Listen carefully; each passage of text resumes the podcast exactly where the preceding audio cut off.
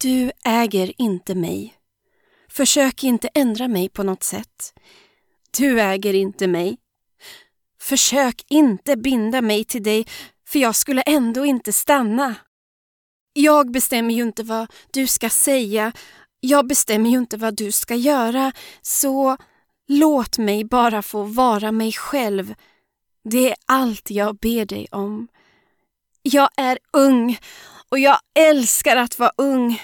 Jag är fri och jag älskar att vara fri. Att leva mitt liv precis som jag vill. Att säga och göra precis vad jag vill. Du äger inte mig. Detta var en översatt och en aning nedkokad version av den gamla hitlåten You Don't Own Me från 1963 skriven av John Madara och David White och i originalversionen framförd av Leslie Gore när hon endast var 17 år gammal. När jag får in en epilog från en kvinna som vi kan kalla för Molly så är det precis som att lyssna på den här låten. Hela Mollys historia ryms liksom både i textraderna men också mellan dem. Och precis som Leslie Gore är Molly bara en tonåring när hon förälskade sin man som fick henne att känna sig både ägd och bunden till hans vilja. Det är så lätt att hamna där. Även jag har varit där. Det är vanligt att man träffar förövartyper som narcissister, sociopater och psykopater då man är i ett sårbart läge i sitt liv. De skannar liksom av människor för att se deras sårbarheter och hur märkligt det än låter så är din sårbarhet det mest attraktiva för en förövare, i alla fall i det inledande skedet. Men därefter kommer du straffas och hånas för exakt samma sårbarhet.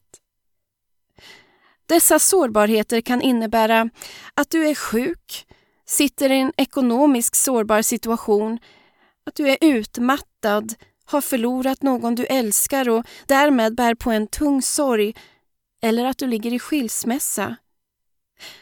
Ja, då är de plötsligt där och ska ställa upp, hjälpa till, stötta och leda dig mot ljuset. Och du är försvagad och ser inte de tydliga varningsflaggorna som fladdrar till då och då för du har valt tilliten och kärleken.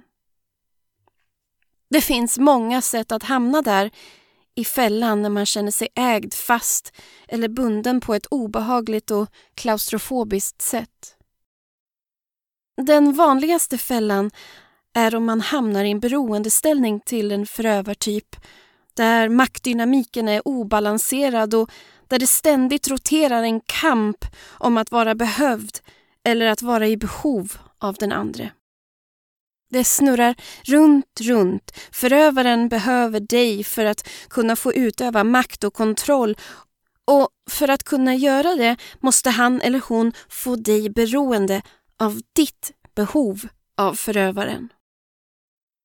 Sen, väl i fällan, börjar man acceptera saker man normalt inte skulle acceptera och kanske börjar man också göra saker som man egentligen inte vill, inte tycker om eller inte är redo för men som den andra vill, önskar eller kanske till och med kräver. Man låter det liksom bara ske mot sin vilja men med ett uttalat falskt ja istället för ett naturligt nej. Hur kan det bli så? Bäst vi låter Molly själv beskriva exakt hur det gick till när hon hamnade i händerna på en man som på många sätt ville äga hennes uppmärksamhet, tid, huvud och kropp. Molly har valt att berätta sin epilog i form av ett oskrivet brev till sitt ex. Eller, nu blev det ju skrivet trots allt. Och även fast brevet aldrig kommer att nå sin mottagare så är det alltid ett bra verktyg i läkningsprocessen att skriva allt man vill ha sagt till sin förövare men aldrig vågat eller kunnat.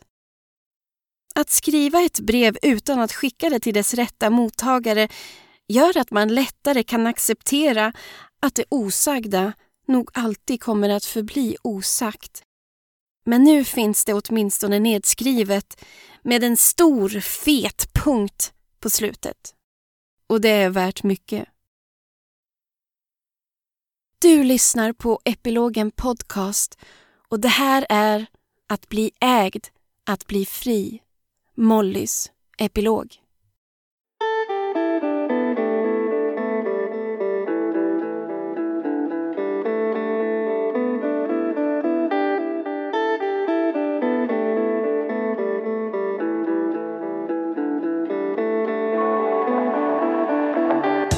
Tog lång tid att komma hit. Att förstå att vår relation inte var bra. Jag trodde inte jag skulle komma hit. Trodde inte fanns anledning för det. Men med åren har dels nya förhållanden och dels samtal med vänner fått mig att inse att jag måste ta itu med vår relation och säga några saker till dig för att på riktigt kunna komma vidare. Så som jag kände då, men framförallt så som jag känner nu.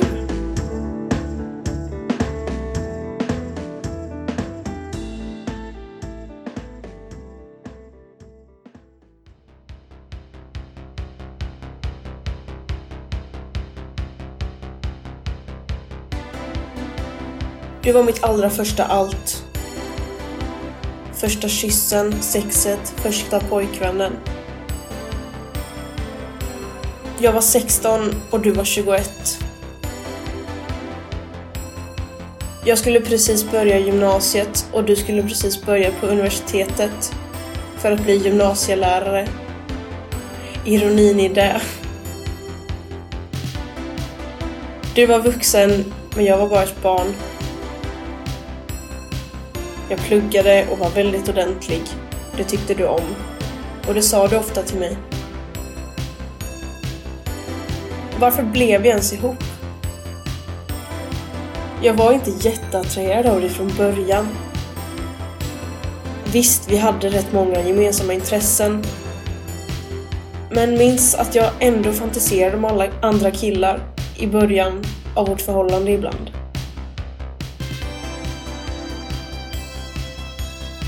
Jag antar att du var den första som gav mig bekräftelse på det sättet.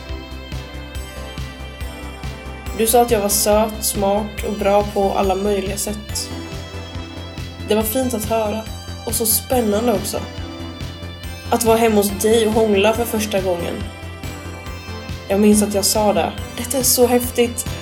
Och du tyckte jag var gullig som sa det.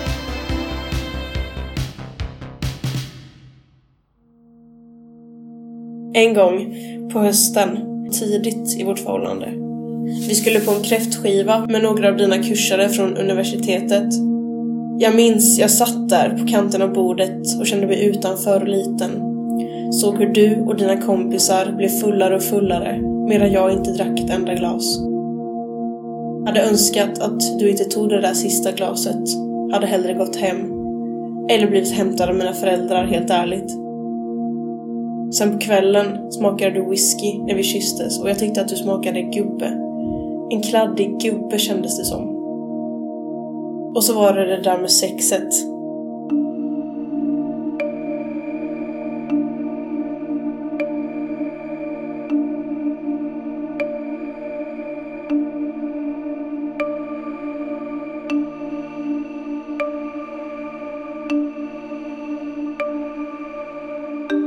Jag visste inget om det. Jag hade knappt börjat onanera. Jag minns att du påpekade det.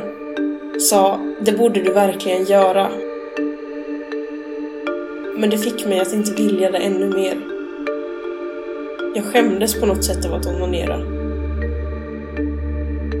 När du senare i förhållandet bad mig att ta på mig själv medan vi hade sex gjorde det mig alltid obekväm och jag njöt aldrig av det. det. Kändes bara som att jag gjorde mig till. Men det var ju fint att du njöt av det såklart, tyckte jag då. Och jag har insett att vi började med sex för tidigt. Jag visste inte ens vad jag tyckte själv om. Jag hade inte ens börjat utforska min egen kropp. Det känner jag typ som ett svek mot mig själv. Att jag lät dig göra det innan jag själv gjorde det. Och det är detta som jag tycker är så läskigt. Och som jag insett nu först många år senare. Jag tror att det var du som fick mig att tycka om vissa saker. Fick mig att tro att det var jag som ville det.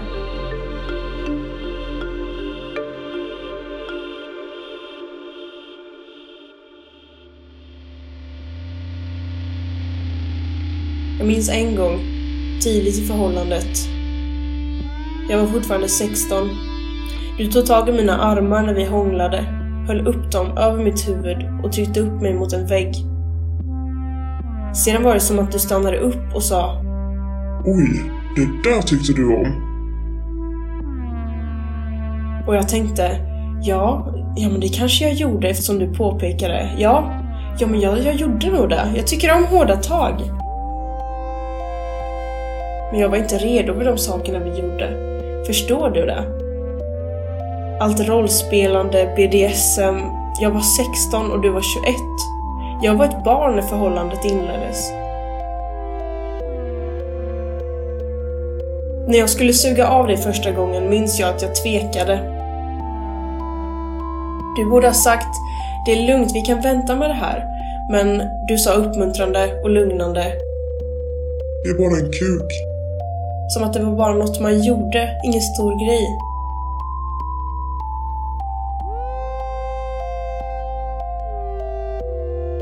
På våren. Vi hade varit ihop kanske fem, sex månader. Du sa Vill du flytta ihop med mig? Sen alltså? Jag fick en klump i magen, men jag skrattade säkert åt det. Och alla de gånger du har friat till mig. Alla gånger, förutom en, när jag gick på gymnasiet. Sånt ska man inte fråga förrän långt senare. Alla sådana där grejer gjorde att jag kände mig bunden till dig. Som att jag var bunden till dig en lång tid framöver eftersom vi hade pratat om sådana saker. Du målade upp en framtid som vi skulle ha. Men det var egentligen inte min bild av framtiden, det var din bild. Jag kände att jag var tvungen att stanna hos dig, för du hade ju fått mig att tro att den framtiden var den enda. Jag hade så svårt att se någon annan framtid. Och det var väl därför det var så svårt perioden efter att vi hade gjort slut.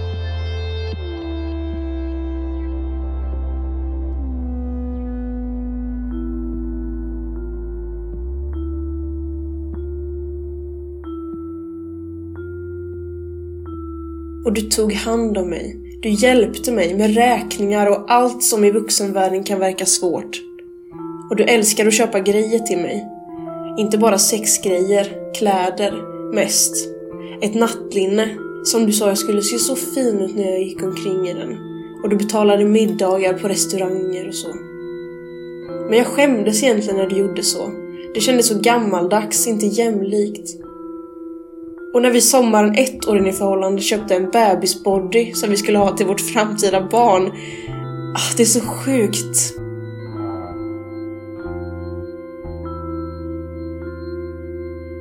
Ibland blir jag arg på mig själv. Varför kunde jag inte bara säga ifrån? Men jag förstår att det inte var så lätt. Du var ju så erfaren, visste hur saker och ting gick till. Jag litade på dig. Jag litade på dig så mycket. Med tiden blev jag så himla kär i dig. Men med kärleken kom också en blindhet som gjorde att jag bara såg dig. Du tog så mycket mer plats än jag gjorde. Du bestämde så många aktiviteter vi skulle göra. Det var du som målade upp hela min världsbild. Och du var en stor del av min uppväxt, från att jag gick från barn till ung kvinna.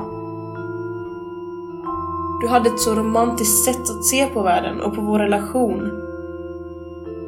Du skulle köpa fina grejer till mig, du skulle skriva en bok som slutade med att vi träffades. Allt skulle vara så jävla storslaget som i en av dina böcker.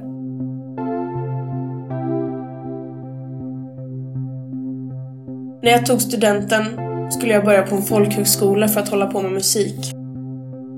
Jag kom in på alla som jag hade sökt till och valde till slut en som låg i Skåne, långt bort från dig. Jag minns att du var glad för min skull, men du undrade ändå varför jag inte lika gärna kunde ha valt den folkhögskola som låg närmast dig. Och just det, en annan grej som hände något år tidigare.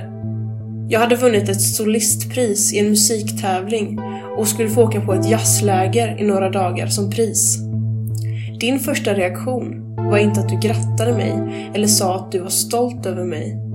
Nej, du var istället lite besviken över att detta läger krockade med våran planerade semester och att vi skulle behöva åka på semestern några dagar senare. Jag blev så himla ledsen för det. Att du inte kunde uppskatta mig i första hand. Varför kunde du inte uppskatta mina prestationer?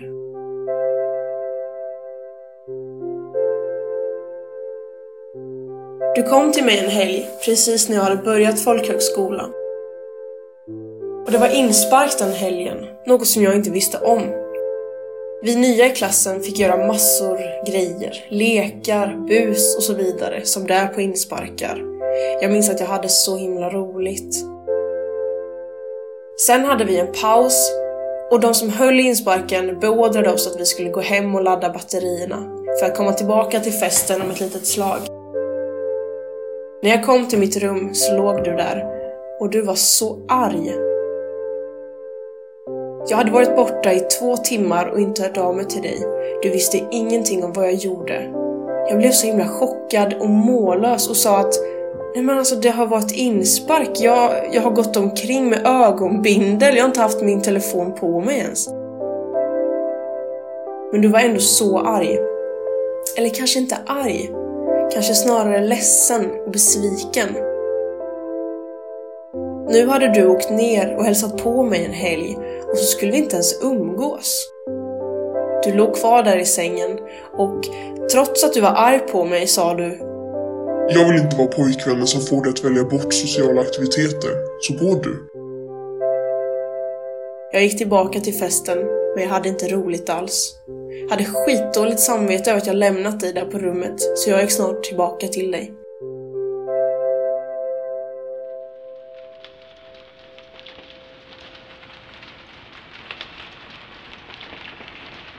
Det var liksom där på folkhögskolan som det blev klart att vår relation var ojämn och på väg att gå sönder. När jag spenderade dagarna med mina nya kompisar och spelade musik blev du ledsen över att jag aldrig hörde av mig till dig. Du sa att du inte kunde förstå hur jag kunde välja att hellre umgås med kompisarna en kväll än att prata i telefon med dig. Du hade alltid valt att prata med mig, sa du. Efter tre år ihop gjorde jag slut med dig. Det var så smärtsamt.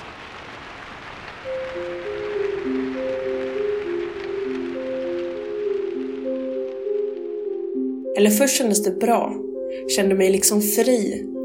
Hade folkhögskolelivet och festande framför mig. Festande som jag aldrig gjort för att jag alltid har pluggat och varit så duktig innan. Jag har aldrig gjort något revolterande. Jag skulle hitta mig själv. Men ganska snart så började jag må dåligt. Jag visste inte vem jag var utan dig. Du hade tagit hand om mig, alltid funnits där. Du hade lärt mig så mycket. Jag tyckte du var så smart och jag brukade hänfört lyssna på dig när du killgissade och mansplainade. Även om det verkligen kunde hända att jag förstod i efterhand att du hade helt fel eller bara inte visste tillräckligt om saken. Men det kändes i alla fall så svårt att ta reda på vem jag var utan dig. Jag ville inte ens försöka, så vi blev ihop igen. Och först kändes det bra. När man ger efter sådär känns det ju bra först, man kan slappna av. Men jag insåg ganska snabbt att problemen kvarstod. Du ville ju inte att jag skulle ha så mycket egen tid. Jag tror att du tyckte det var väldigt svårt för dig att jag var i Skåne nu, långt bort. Jag tror att du tyckte det var läskigt att jag så tydligt hade en egen grej nu. Och det är klart att distansförhållanden är tufft i sig och vi försökte prata om problemen men vi var på helt olika plan du och jag. Jag mådde ständigt dåligt över att jag inte hörde av mig till dig. Och du var så ledsen. Du sa att du sov dåligt, att du inte längre hade en plats i mitt liv verkade det som. Du var på en helt annan plats i livet, helt redo att gifta dig och skaffa barn, vilket du många gånger genom hela förhållandet hintade om. Trots att jag varje gång sa någonting i stil med “Men jag går bara på gymnasiet, jag vill inte ens tänka på sånt där förrän om många år”. Du gav mig dåligt samvete för att jag höll på med det jag älskade och utvecklades, men du lindade alltid in det i ord. Såklart sa du inte rätt ut att du inte stöttade min egen tid och utveckling. Hur hade det där låtit? Där på folkhögskolan med massor av stöttande kompisar som menade att jag visst klarade mig själv var det lätt att känna mig självständig och stark i jämförelse med dig som hela tiden ville prata och ville ha uppmärksamhet. Jag gjorde slut igen. Men det blev ännu svårare den här gången. Den kvällen, när jag kom och hälsade på dig och när vi alltså gjorde slut igen. En av de svåraste kvällarna i mitt liv. Båda två mådde så dåligt och det blev inte bättre för mig. Snabbt ångrar jag mig igen. Hela den här tiden präglades för mig av att ständigt pendla mellan att vilja vara ihop med dig och att vilja vara själv. Jag kunde inte lita på mina egna känslor och jag visste inte vad som var sant för mig.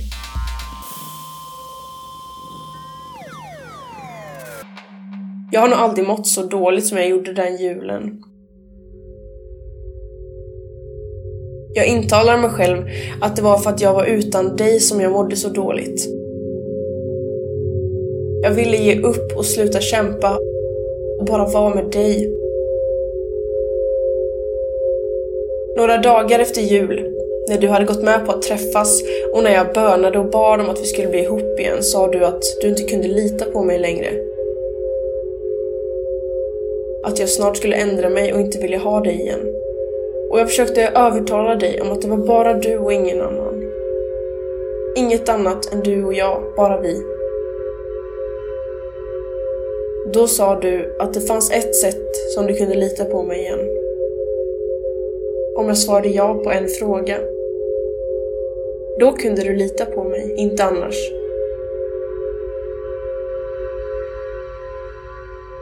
Du friade till mig.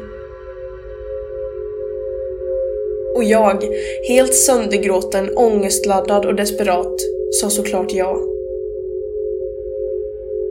Det var fruktansvärt.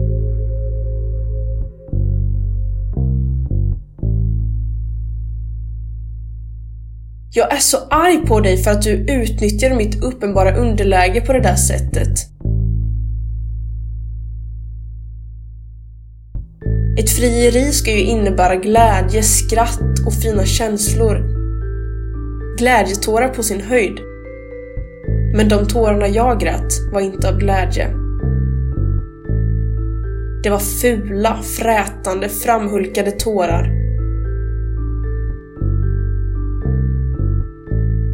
Du utnyttjade situationen för att binda mig till dig mer tydligt än innan. Först kändes det väldigt bra och jag var så lättad och utmattad efter den där hemska julen. Nu var det vi igen och mitt liv och mitt jag kändes så tydligt och jag hade en riktning igen. Men lyckan varade ju inte länge som du vet. Jag ville tro att du var den rätta, att vår framtid var den rätta. Men innerst inne visste jag nog alltid att det inte var rätt. Så fort jag tänkte på dig, på oss, på när du pratade om att vi skulle köpa förlovningsringar, fick jag som ett slag i magen. Jag minns att jag tittade på mitt finger och tänkte, ska det sitta en förlovningsring på det där fingret?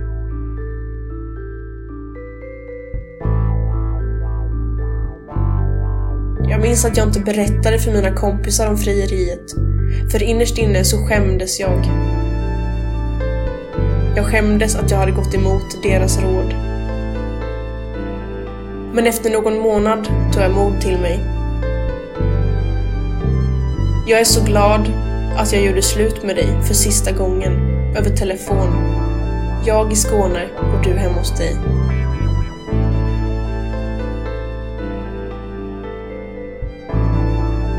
Och trots att jag än idag har dåligt samvete över att vi blev ihop och jag gjorde slut så många gånger och att jag gjorde det över telefon inser jag nu att det var tvunget att bli så.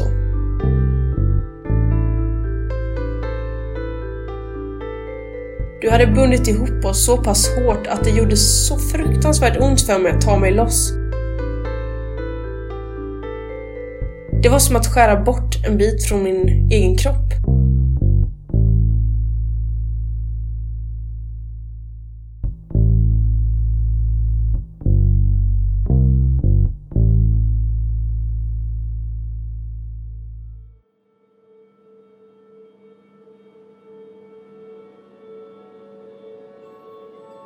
Men sakta men säkert började jag leva mitt liv igen. Tog mina egna val utan dig och vår framtid hängande framför mig som ett mörkt moln. Jag började lära känna mig själv, både sexuellt och personligt. Utvecklas och hitta mina egna vägar. Jag har funderat på varför du var sån här mot mig. Och det kanske inte är mitt ansvar att ta reda på varför du var som du var. Det du gjorde mot mig kvarstod.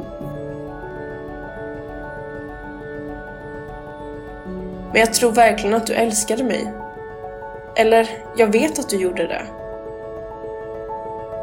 Eller var det inte äkta kärlek trots allt? Du älskade kanske att jag var mindre än du, yngre än du. Du projicerade bilden av den för dig perfekta flickvännen som behövde och avgudade dig på mig. Och det var så jag var, så jag blev. Så då älskade du väl mig för det? Eller idén om mig? Och det finns något symboliskt över dina BDSM-kings. Att du då hade verkligen full kontroll och makt över mig. Det var kanske något slags idealläge för dig. Det jag är mest arg på dig för kan egentligen kokas ner till en grej. Det som jag fortfarande bär med mig och som jag mår dåligt över än idag.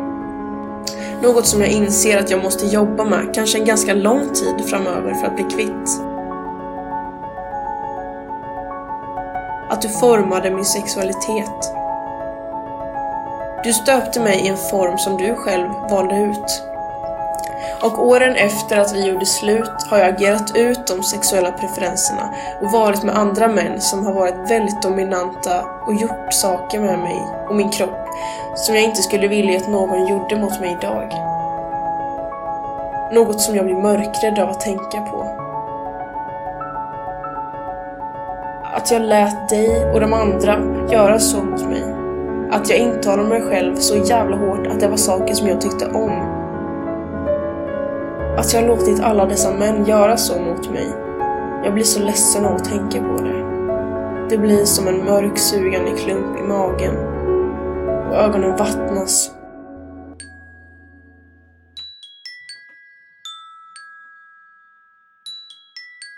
Jag har under så lång tid satt andras njutning i första hand.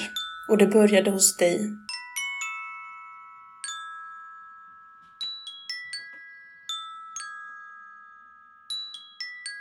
Att skriva det här brevet har varit väldigt svårt, trots vetskapen att du inte kommer läsa det här. Det tog mig två år efter att vi gjorde slut att skriva det här. Det har tagit tid och längs med vägen har jag funderat mycket. Jag har skämts, grubblat och frågat mig själv om det här brevet borde ha blivit skrivet, om vår relation var illa nog för att jag skulle må dåligt över det. Men de starka ångestkänslor som jag haft på sistone och samtidigt som jag skrivit det här brevet bevisar att det var illa nog.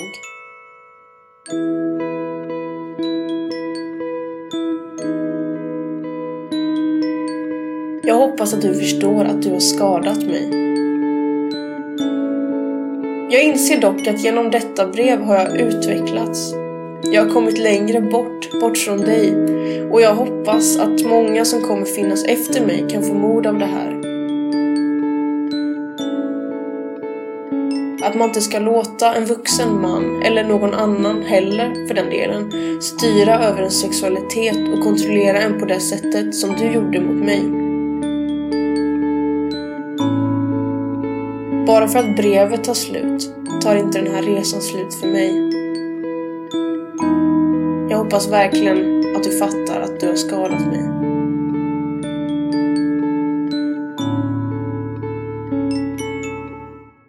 Jag pratade med min mamma i telefon häromdagen. Berättade om att jag just nu är i en period när jag bearbetar vår relation. Jag berättade om det här brevet. Berättade saker som jag inte berättat för henne innan. Saker som hon och pappa inte såg med vår relation, men som de allt kunde misstänka. Det var så skönt att berätta, att tala ut om dig och hur du har påverkat mig nu i efterhand. Jag berättar också för mamma att hemma i mitt flickrum så har jag två kassar med grejer från dig. Saker som du gett mig. Smycken, rollspelskostymer, sexgrejer och massa annat som är förknippat med dig.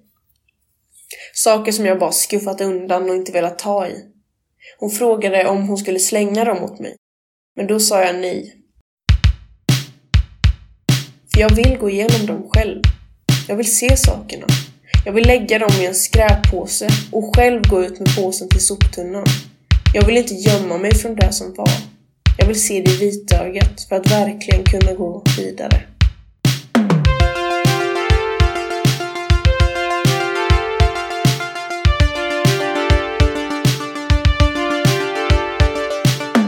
Du har lyssnat på Epilogen Podcast. Tusen tack till dig Molly. Det tar mycket mod och styrka att bryta sig fri från en relation där man känner sig både ägd och förlorad i sig själv. Det tar även mod att formulera sin berättelse och skriva ner det i ett oskrivet brev, även om det aldrig når personen som skadat en så djupt. Även ett stort tack till dig som lyssnat. Kanske kan Mollys epilog även inspirera dig att skriva ett liknande brev som kanske stannar hos dig men där du till slut får äga alla dina känslor, alla dina tankar och upplevelser som du kanske upplevt att någon annan gjort anspråk på. Det är skönt att befria sig från osynliga kedjor, bojor och rep. Jag vet att även du kan hitta ett sätt att befria dig. Jag som producerar Epilogen Podcast heter Mia Makila. Och jag är konstnär, idéhistoriker och skriver på min första roman. Mer info om mig och Epilogen Podcast finns på miamakila.com. Om du vill dela med dig av din egen berättelse i podden eller bara vill ge lite feedback. Maila på epilogenpodcast gmail.com Musiken i avsnittet är poddsäker och kommer från freemusicarchive.org. Och sist men inte minst, ta hand om dig.